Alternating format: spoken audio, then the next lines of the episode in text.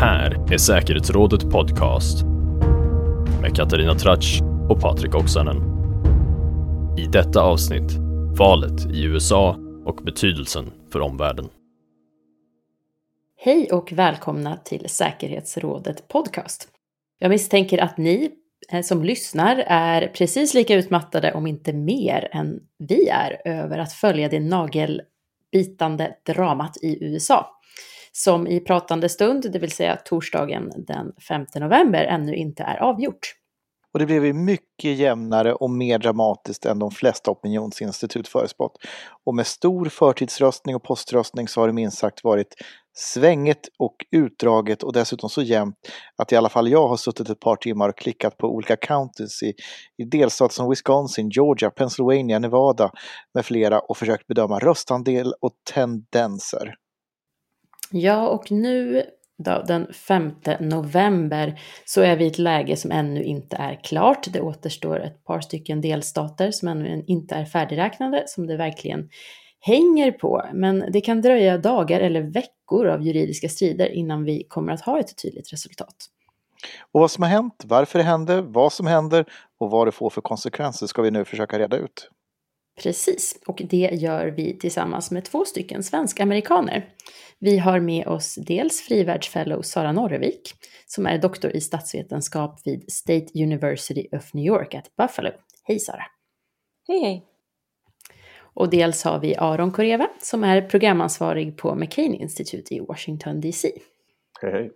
Ja, good morning America! Vad är det för läge ni har vaknat upp till over there? Denna morgon som det är för er tid.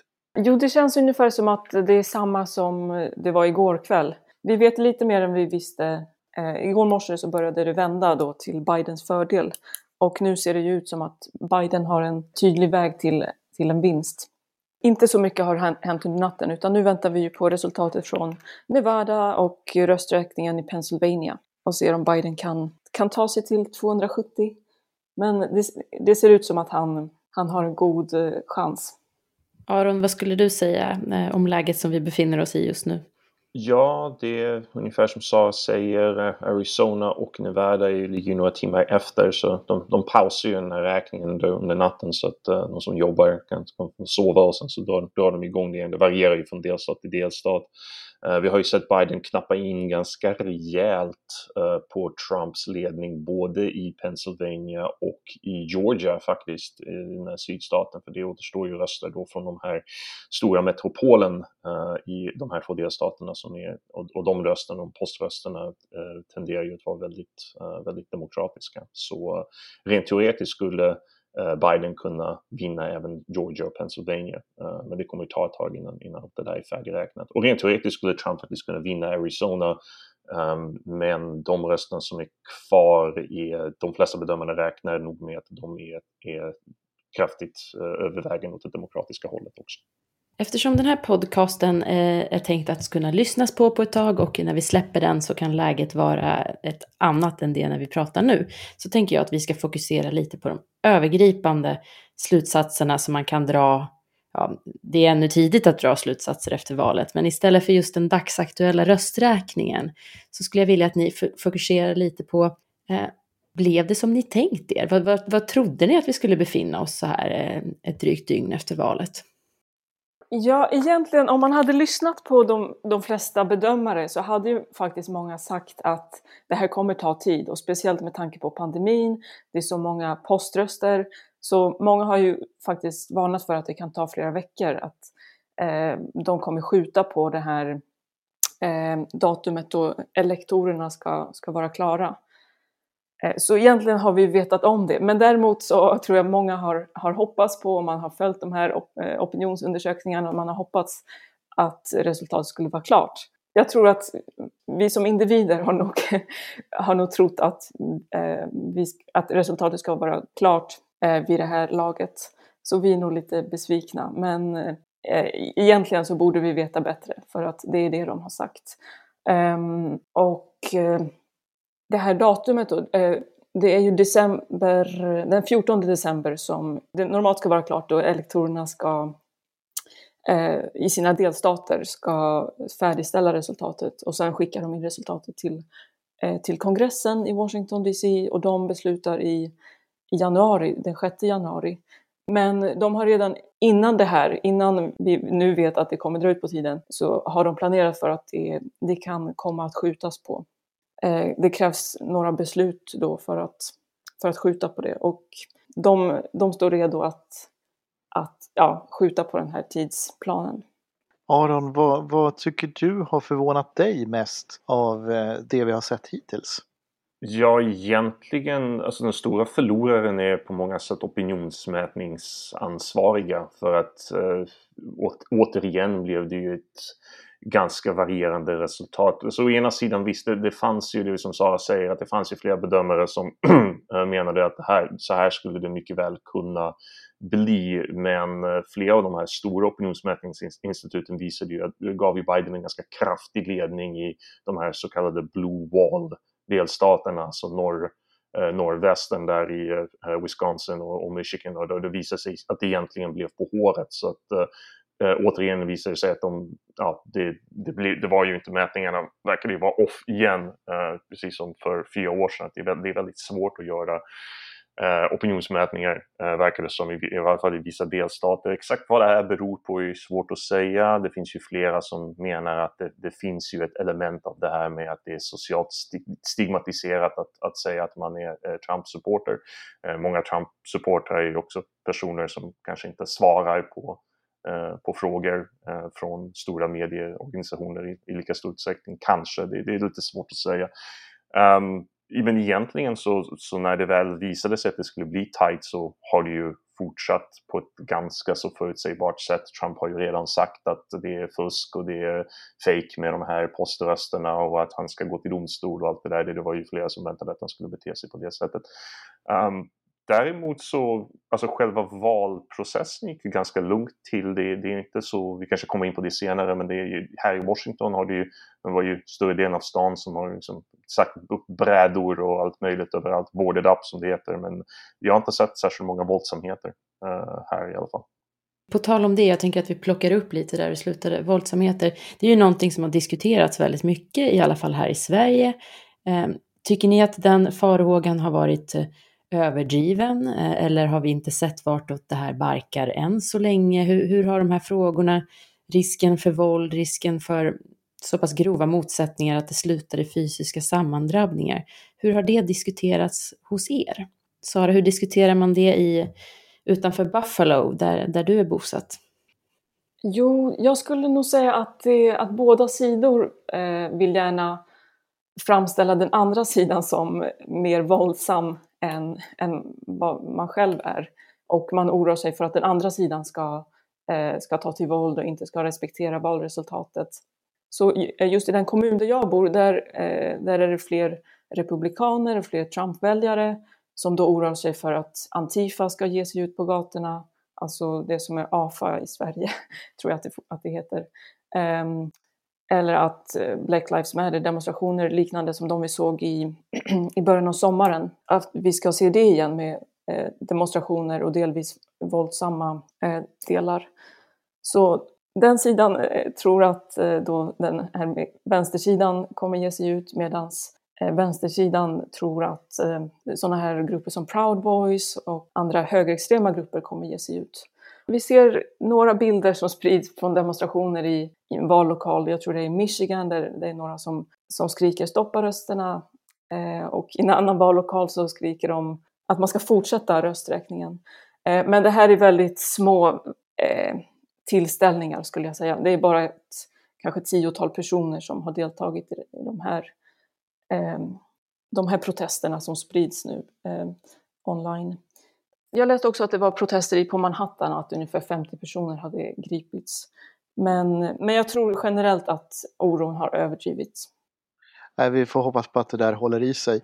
Jag tänkte ta upp en annan händelse eh, från valnatten och det var ju när president Trump gick ut och sa och deklarerade seger i, i valet. Och, och det här har ju du Katarina på Twitter eh, kallat för eh, att vi ser nu den fria världens ledare beter sig som en kuppledare, en despot som klamrar sig fast vid makten till varje pris. Eh, hur har reaktionerna varit i USA och bland era så att säga nätverk på, på det personliga planet? Hur har man reagerat på det Trump eh, sa på valnatten? Här i Washington, alltså bland, bland liksom folk som jobbar med tankesmedjor, det, det är ju den sedvanliga avskyn och eh, ja, att han, han beter sig inte som en president ska bete sig. Han, han underminerar ju det, ehm, um, det här normerna som är så oerhört viktiga för, för ett land som USA. Men å andra sidan, som sagt, det, det, det förvånar inte särskilt många egentligen. Därför att det här det är ju hans stil. Det, det är ju han, det är hans sätt att vara överhuvudtaget. Det är ju många som säger, alltså, hela Trumps grej har ju varit det här med att framstå sig själv som en vinnare och jag menar att, att, fram, att framstå som förlorare är ju, är ju förödande för hans image. Och det är många som tror att det, han, han kommer ju, förlorar han nu så kommer det ju vara, det, det kommer inte vara en jordskredsseger för Biden utan det, det kommer ju vara en, en uh, en, en knapp seger och Trump skulle ju då kunna säga till sina anhängare att ja men det var ju för de här poströsterna och ni vet att poströsterna är fejkade och så skulle han kunna gå ut inte som en förlorare men i sina anhängares ögon som en, som en seger i alla fall. Och det är ju det som är väsentligt för honom för då kan han ju eh, ja, fortsätta med eventuellt en, en karriär inom äh, tv-industrin, kanske på Fox News eller någon, i någon annan. Men du tror ändå att han kommer att gå ut så att säga, att han inte kommer att klamra sig fast och hävda att ja, det, det är inte, Ja, det, det, det är ju inte... Det, det, det, finns ju, risken finns ju att, och det är ganska sannolikt att de kommer att försöka göra någon, någon, någon form av eh, legal eh, väg här med olika delstater att försöka stämma dem och få dem att räkna om resultatet och sådär. Men det är ju tveksamt, det, det, är inte särskilt sannolikt att det kommer att vända eh, på det sättet. Um, så det är återigen Trump som bryr sig mer om sig själv och han bryr sig om nationens väl. Det är ju ingenting nytt, det har han ju, det har han ju gjort under, under den större delen av, uh, av sitt presidentskap. Mer intresserad av sin egen image än av uh, landets bästa. Mm. Sara, du bor ju i ett uh, county där det är, är en övervägande andel Trump-väljare. Hur, hur har reaktionerna varit i din, din närmare krets? Ja, om vi, om vi tänker på det, på det uttalandet då som Trump gjorde, då tror jag att många, många vanliga människor rycker nog på axlarna åt det här, för det är vad man förväntar sig från Trump vid det här laget. Eh, att han skulle kalla sig själv för vinnare. Men eh, det är ju inte så att presidenten själv, eller den som är kandidat till president, kan utropa sig till vinnare, utan det är ju elektorerna som som väljer vinnare och sen går det till kongressen. Så att det, det här påverkar inte, något, inte på något sätt processen oavsett vem som utropar sig till, till vinnare. Eh, men naturligtvis är det, ju, är det ju respektlöst mot den demokratiska processen. Men ingenting som är jättechockerande vid det här laget, varken bland, bland anhängare eller motståndare, vad det verkar. Nej, det var, no det var någon som sa, jag, jag kommer inte ihåg vem, någon som sa att när det gäller förväntningar, de, de, de är så lågt nere så de är, de, de, de är they're next to dinosaur bones, var det någon som sa. Att, så att det är så här, det, det, alltså på, på honom att han ska bete sig president, presidentiellt vid det här laget är det ju få som väntar sig. Och för hans anhängare spelar inte det någon större roll. Mm. Helt enkelt. De, det är normbrytandet i själva poängen. Jag tänkte att vi skulle tillåta oss att spekulera lite i framtiden om de kommande månaderna. Och eh, då skulle jag vilja be er att fundera på dels över det, liksom ett dåligt scenario. Vad, vad, skulle kunna gå fel? Hur skulle en negativ utveckling kommande månader kunna se ut? Eh, och dels också en, en positiv utveckling de kommande månaderna. Och då menade jag månaderna vi har framför oss här, november, december, januari, fram till att eh, maktöverlämningen är tänkt att äga rum eller inte äga rum om det blir så att presidenten sitter kvar. Jag tänker att vi börjar i den positiva sidan med dig, Sara. En sak som är tydlig är att valdeltagandet är betydligt högre i år än, än någonsin i USAs historia. Så det, det, tycker jag att vi kan vara glada för att fler, fler eh, amerikaner tar del av i demokratin. Och i det bästa scenariot, ja då, eh, då fortsätter det relativt lugnt. Eh, det är helt normalt att det i en demokrati tar tid med eh, rösträkningen, så det tycker inte jag är någonting negativt, att det tar några dagar, det kanske tar veckor. Eh, det är inte heller något konstigt att eh, man kopplar in jurister. Det kanske är lite ovanligt att man direkt vill gå till Högsta domstolen, men att man kopplar in jurister som vill granska rösträkningen, det är absolut inget konstigt. Så det tycker jag vi ska visa respekt för och ja, låta det här, den här processen ta tid. Eh, som sagt, i bästa scenariot blir det inga våldsamheter heller de närmsta månaderna. Vi kommer följa den här tidsplanen och den 20 januari så har vi möjligen en ny president. Okej, en lugn maktöverlämning helt enkelt. Och eh, vad, vad, säger du Aron om du får spåna mer åt det dystra hållet?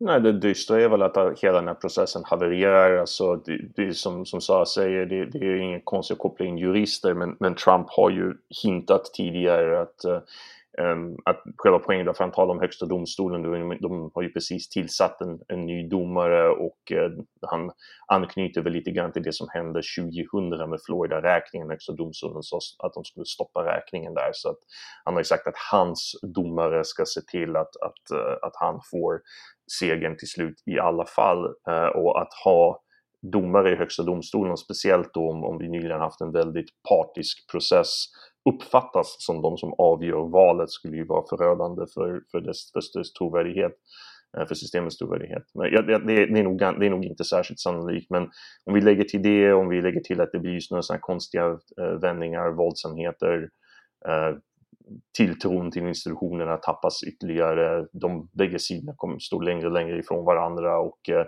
att den nya presidenten kommer helt enkelt uppfattas som illegitim av en, av en betydande del av, eh, av den amerikanska väljarkåren. För precis som Sara sa så har vi ju eh, sett en, en val, ett rekordhögt valdeltagande. Alltså Biden fick ju fler röster än vad någon presidentkandidat hittills har fått. Han fick fler röster än Obama. Men å andra sidan så fick ju Trump ut sina väljare också. Så USA är ett delat land fortsatt. Uh, och uh, ja, själva poängen, Biden har ju pratat om försoning och uh, att ta de här liksom, sidorna tillbaks till, till någon form av enighet. Trump gör ju raka motsatsen. Eh, om vi då tänker oss att det blir ett sånt här värre scenario som du pratar om Aron. Och så vet vi också att det brukar ju uppstå lite sådana här lame duck scenarion om, om eh, Eh, när man har presidentbyte, när en ska sluta och den andra ska börja efter ett val. Eh, vad ser ni för risker de kommande månaderna i världspolitiken med, med det här vakuumet? Eh, och, och hur, hur, kommer USA, särskilt om man då är inne i uppslitande juridiska strider mellan, mellan Trump och Biden-kampanjen eh, om valresultatet, att klara av att reagera på, på säkerhetsrisker i världen. Jag tänker till exempel om Kina skulle testa Taiwan militärt eh, eller Ryssland annekterar Belarus eller, eller någonting annat sker i världen? Ja, alltså vi har ju, om vi tar till exempel, eh, jag skulle säga att eh, Nagorno-Karabach-konflikten, det är ju det är ett exempel på, jag skulle inte alls hålla det för osannolikt att parterna där, eller i alla fall några av parterna, um, fick ju intrycket att medan USA är upptaget med annat så kan man ju passa på så att säga ändra fakta på marken, syftar väl i huvudsak på Azerbajdzjan där. Um, Ehm, huruvida, alltså, Kina, Taiwan, det, det, det är nog inte särskilt sannolikt. Jag tror inte att Kina vill dra igång en liksom, stor konflikt på det sättet med, med USA ännu. Ryssland, ja, det är ju de, de är lite mer opportunister. Ehm, så det är klart att USA har ju den här utdragna processen om ehm, eh, överlämning och eh, från makten från en administration till en annan och det är ju ganska viktigt att eh, det finns ett, ett samarbete där. Tidigare har ju avgående administrationer liksom visat god vilja gentemot den nya, även om det är från den andra sidan. Och eh, USA fungerar ju inte riktigt som Sverige eh, på det sättet, utan det är ganska stor turnover som man säger här på folk. Eh, och fungerar inte det där samarbetet så ja, då, då, då blir ju det där betydligt sämre naturligtvis. Eh, och när det gäller eh, den här frågan då Sara, eh, vad ser du? Ja, om jag var en en annan stormakt som Kina eller Ryssland skulle jag nog inte se det här som en, en möjlighet att passa på att eh, göra en, en landgrab eller starta ett nytt krig. Utan eh, USA tar ju inte paus bara för att man väljer president. Visserligen tar själva presidenten paus och medier tar paus från omvärldsbevakningen, men USAs utrikesdepartement och eh, Pentagon och eh, USAs militärbaser runt om i världen, de fortsätter ju som vanligt och människor går ju till jobbet som vanligt. Eh, USA är ju fortfarande redo att försvara sina intressen, absolut. Och det finns en kongress också som kan besluta ifall att är, man behöver eh, införa sanktioner mot exempelvis Ryssland eller Kina om de nu skulle få för sig att göra någonting. Så jag tror inte att, att eh, att det är ett problem. Men däremot kommer vi inte se någon aktiv utrikespolitik. Man kommer nog inte vara så aktiv med nya fredsförhandlingar eller att till exempel att lösa den här konflikten då, Nagorno-Karabach. Så vi ska nog inte ha så höga förhoppningar så, men det är inte heller en slags, eh, ett fönster som öppnas för, för de här stormakterna att göra som de vill. Absolut. Men det låter ju betryggande i alla fall utifrån eh, vårt frivärldsperspektiv som ju gärna vill att USA ska förbli en stark spelare på den internationella arenan eftersom vi menar att det bringar stabilitet. Men jag tänkte att vi ska återgå lite till inrikessituationen i USA eh, och det ni nämnde sist, nämligen de här olika scenarierna. Eh, och de är ju mycket avhängiga av situationen, stämningen inom landet och det som har diskuterats mycket där, det är ju polariseringen på sistone. Eh, USA förblir kraftigt polariserat. Eh, vi hörde Biden i sitt tal här nyligen eh, nämna vikten av att gå samman och så vidare och se sina motståndare som meningsmotståndare och inte fiender. Eh, vad, vad, ser ni för möjligheter av att polariseringen minskar i USA? Hur, hur, ser ni på de kommande åren i den här frågan? Vad säger du Aron? Ja, alltså polariseringen började ju inte med, med Donald Trump. Den började ju långt innan, men han har ju accelererat detta. Uh, han har ju i princip gjort allt för att öka den här polariseringen så, så mycket som möjligt. Uh, som ni säger så har ju Bidens grej har ju varit att, att försöka nå någon slags försoning, men det är svårt att säga hur uh, framgångsrikt det kommer att bli. Det finns ju en hel industri här med Eh, TV, privata tv-kanaler som Fox News och MSNBC som lever ju på den här, eh, den här polariseringen. Um, så att det, det där är oerhört svårt att se. Men samtidigt, så det är klart att det finns ju en chans för att Biden, hela Bidens framtoning är ju eh, och hans sätt har är just det här att det, det, ska vara den här personen som, som lugnar ner allting. Alltså, traditionellt sett när USA Eh, byter ut en president mitt, alltså i, efter en mandatperiod så brukar det vara för att folk känner att okej, okay, vi, vi testade det här, det funkar inte, vi behöver göra någonting annat. Så det finns ju en förhoppning, men um, förhoppningen är ju liten. Ehm, vi ser ju, det, mesta pekar ju på att vi får fortsatt maktdelning med senaten i republikanska händer och representanthuset fortfarande i demokraternas händer, även om de har tappat lite grann. Så att eh, den här gridlocken som, som folk pratar om, att det är ingen, ingenting blir gjort, eller i alla fall i det, i det korta loppet fortsätta. Biden har ju till skillnad från Obama ehm, relationer och en historia med, med senaten, men ja, det är, det är tveksamt ifall det, vi, vi kommer se någon, någon, någon, större förändring. Men i alla fall från allra högsta ort, ifall nu då Biden skulle vinna, så, så kommer presidenten inte att göra sitt bästa för att förvärra situationen. Sara, jag tycker mig ha uppfattat från dig att det kanske är lite överdrivet det här med polarisering och eh, hetska stämningar utifrån din vardag så att säga. Eh, ja, ja och nej eh, skulle jag säga. För att det, det är ju en realitet med polarisering. Att självklart finns det polarisering och det är många, många vanliga människor som eh, faktiskt ser ner på andra, som ser ner på sina politiska motståndare eh, och eh, gör narr av de politiska motståndarna. Eh, men eh, en viss grad av polarisering är ju helt normalt i en demokrati. Så själva polariseringen i sig är inte problematisk, men det är ju problematiskt när det går till överdrifter och när man tar till våld och, och när, man, när det påverkar människors liv och människors interaktion med varandra. Så på det sättet så, så, finns det viss oro för det som Aron pratar om, med till exempel vissa nyhetskanaler och medier som verkligen lever på det här. Och det kommer absolut fortsätta, kanske, kanske tillta. Eller vi vet inte vad, hur medielandskapet ser ut nu om, om Trump nu skulle förlora valet och eh, det skapas någon slags nytt eh, en ny medieplattform eh, från Trump. Polarisering kommer nog fortsätta, absolut. Men ja, en viss grad av polarisering är helt normalt i min mening. Ja, och då är det dags att börja runda av för våran del. Tack så mycket eh, att ni var med oss, Sara Norvik från New York State och Aron Koreva i Washington DC. Och du har lyssnat på en podd från Fri Värld där ni också har hört eh, eh Patrik Oksanen, det är jag och Katarina Tratsch. Precis, och den här podden finns att lyssna på där poddar finns. Och när ni gör det så får ni gärna trycka på prenumerera-knappen så att ni inte missar när nästa avsnitt dyker upp. Och glöm inte att du även hittar den säkerhetspolitiska debatten i bloggform på bloggen Säkerhetsrådet på Frivärds hemsida frivarld.se.